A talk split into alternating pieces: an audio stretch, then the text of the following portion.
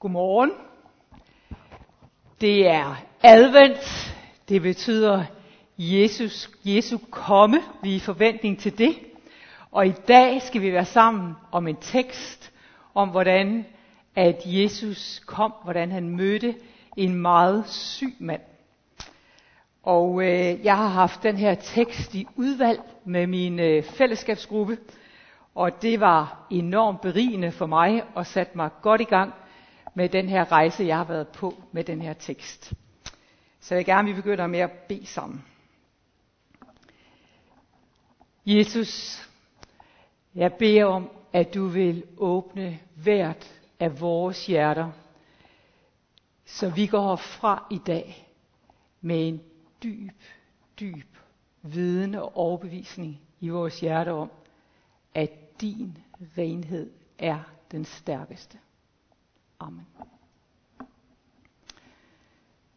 Vi skal læse fra Lukas evangeliet kapitel 5, vers 12 til 16. I en af de byer, Jesus besøgte, var der en mand, som var hårdt angrebet af spedalskhed. Da han fik øje på Jesus, kastede han sig med ansigtet mod jorden. Herre, hvis du vil, kan du gør mig rask, bad han. Jesus rakte hånden ud og rørte ved manden. Det vil jeg, sagde han. Bliv rask. Og i samme øjeblik forsvandt spærskeden. Jesus forbød ham at sige det til nogen og fortsatte. Gå hen og lad dig undersøge af en præst, så du kan blive erklæret rask. Og husk at tage den offergave med, som Toraen foreskriver for spedalske, der er blevet helbredt. Alligevel spredtes rygtet hurtigt, og store folkemængder kom for at høre Jesus og for at blive helbredt for deres sygdomme. Jesus trak sig derfor tilbage til øde områder, hvor han havde chance for at være alene og få tid til at bede. At være spedalsk på Jesu tid, det var en, man blev erklæret spedalsk af præsterne. De var dem, der stillede diagnosen, og det gjorde de ud fra Moseloven. Hele kapitel 13 og 14 i 3. Mosebog beskriver, hvordan man kan diagnostisere det, og også diagnostisere, hvis man er helbredt igen. Og når man bliver erklæret spedalsk, så er man uren i det jødiske samfund.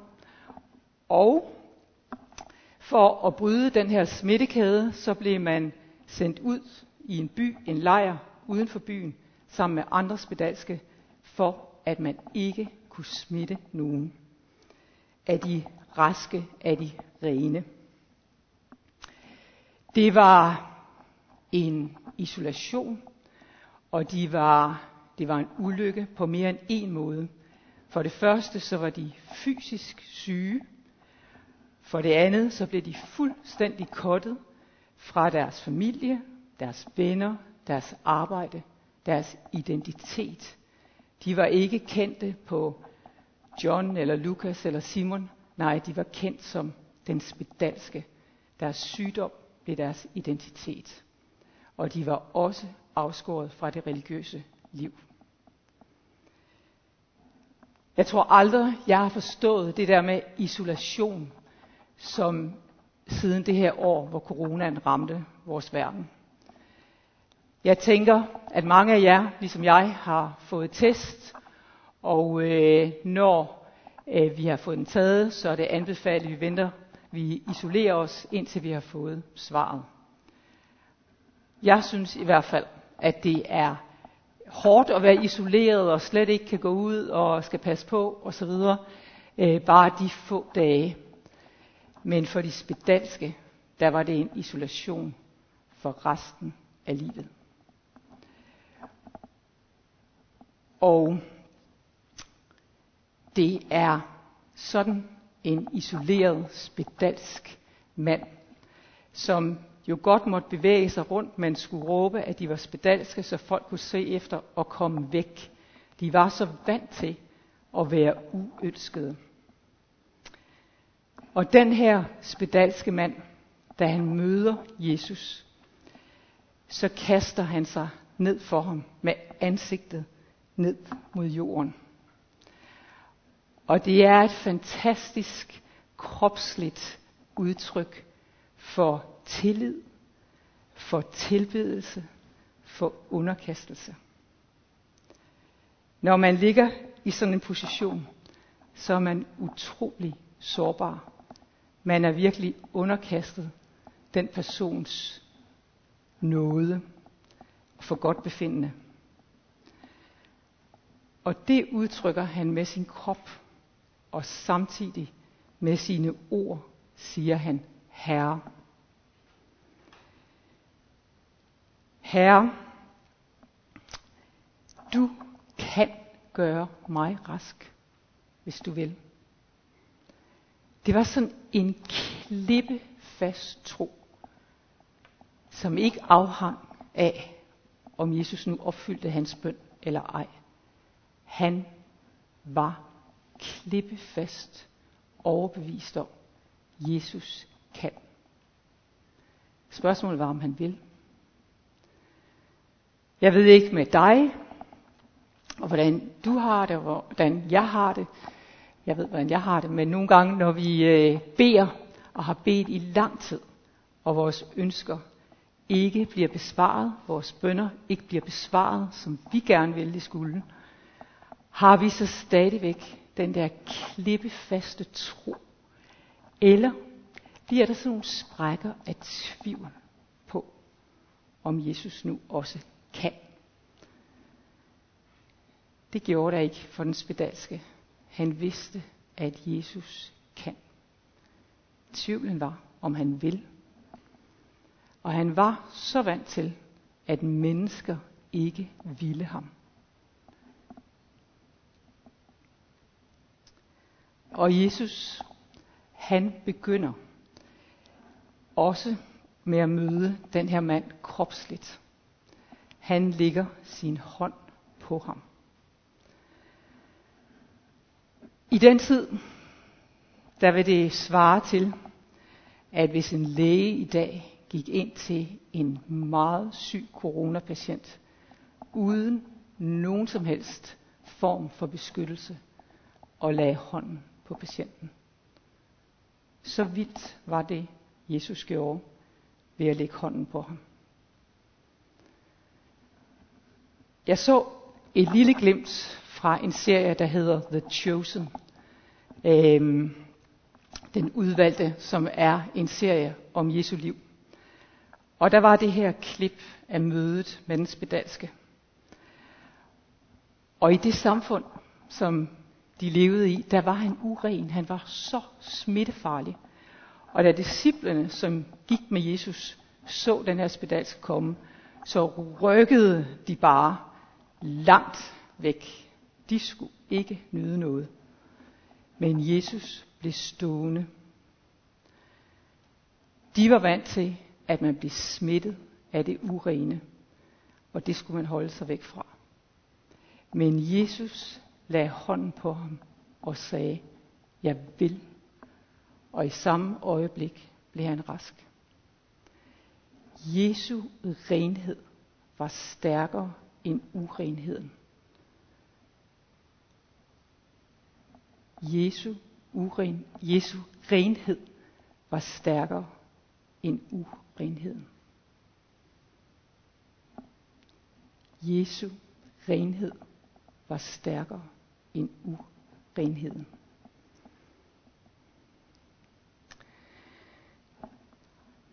Vi er vant til, når vi læser i det nye testamente, at når Jesus han har mødt et menneske, han har helbredt et menneske, så siger han, gå bort i fred eller synd ikke mere. Men her siger han, gå hen og lad dig undersøge af præsterne, og lad dem erklære dig rask. Han vidste, at i det her samfund, hvis ikke at han var erklæret rask af præsterne, så var han ikke genindsat i samfundet og, blev, og kunne blive en del af det. Og så gør han jo også ved, at præsterne må erkende, at han er blevet rask, må de jo også erkende, at Jesus har helbredt ham. Men så siger han noget, som jeg sådan virkelig stansede op ved. Han siger, husk offergaven. Husk offergaven. Og hvad var den offergave? Igen, hvis vi går tilbage til 3. Mosebog i kapitel 14, der kan vi læse om, hvordan hele proceduren med at blive genindsat blev erklæret ren. Og det allerførste, der skete, det var, at præsten gik uden for byen og mødtes med den, der nu var rask. Og så igen brugte han Moseloven og tjekkede ham og kunne stille diagnosen, at ja, han var rask. Han var helbredt. Og derefter, og jeg vil også bare lige sige en ting, at det her også var så stort. Der var ikke nogen, der var blevet helbredt for spedalskhed i Israel, at vi har hørt om, siden Miriam, Moses' søster, blev helbredt af Gud. Så det her var vildt, at en spedalsk var blevet helbredt. Virkelig, virkelig uhørt. Men det her offer bestod af to levende fugle, af et stykke øh, cedertræ, en rød snor og en hysopgren. Og så slagtede man den ene fugl over noget vand, og så stænkede man den der blanding af blod og vand med de andre ting på den nu helbredte spedalske. Og man døbede den levende fugl. Det var også et offer. Det levende offer i den der blanding af blod og vand. Og så lod man den flyve. Den var fri. Den var sat fri. Fordi der var offret blod. Og det var et symbol på, at nu var den spedalske rask. Han var helbredt. At han var sat fri.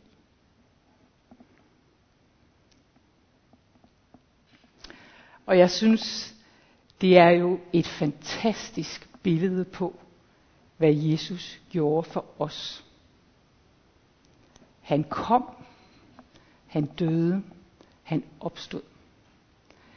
At ved hans blod, så er vi blevet sat frie, og vi er blevet renset for al synd.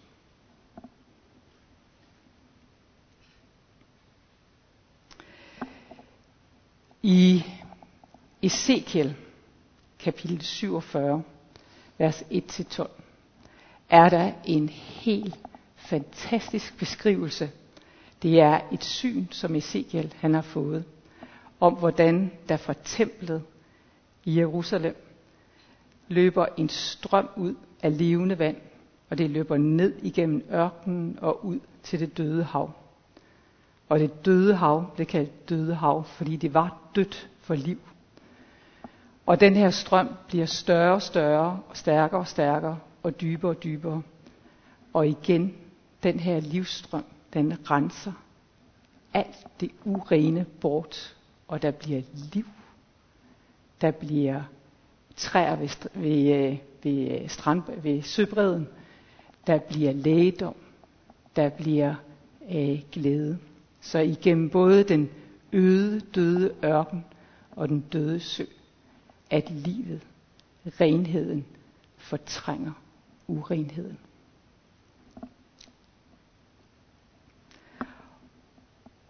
Og selvom Jesus han havde sagt til den spedalske, at nu skulle han ikke gå ud og fortælle det vidt til højre og venstre, før han var helbredt, eller før han var øh, godkendt af præsterne, så spredtes det her rygte alligevel, for det var uhørt, at en spedalsk blev helbredt.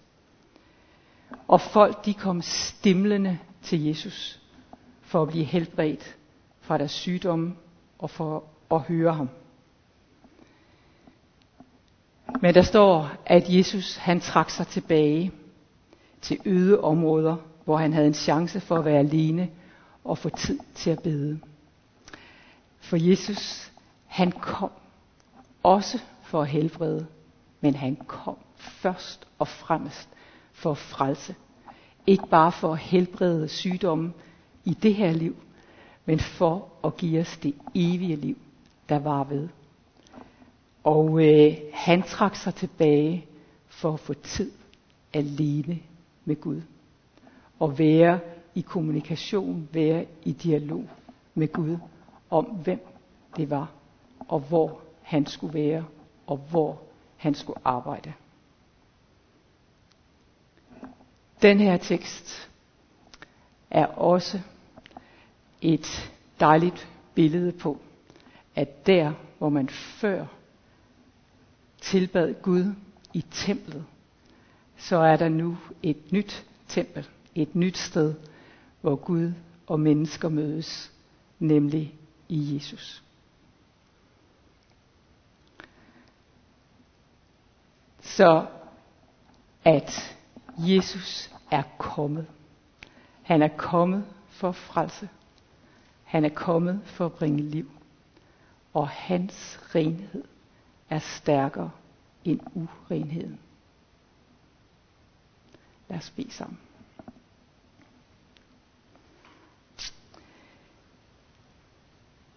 Jesus, jeg vil takke dig, fordi at du er kommet. At du er kommet med liv, med helbredelse, med renhed.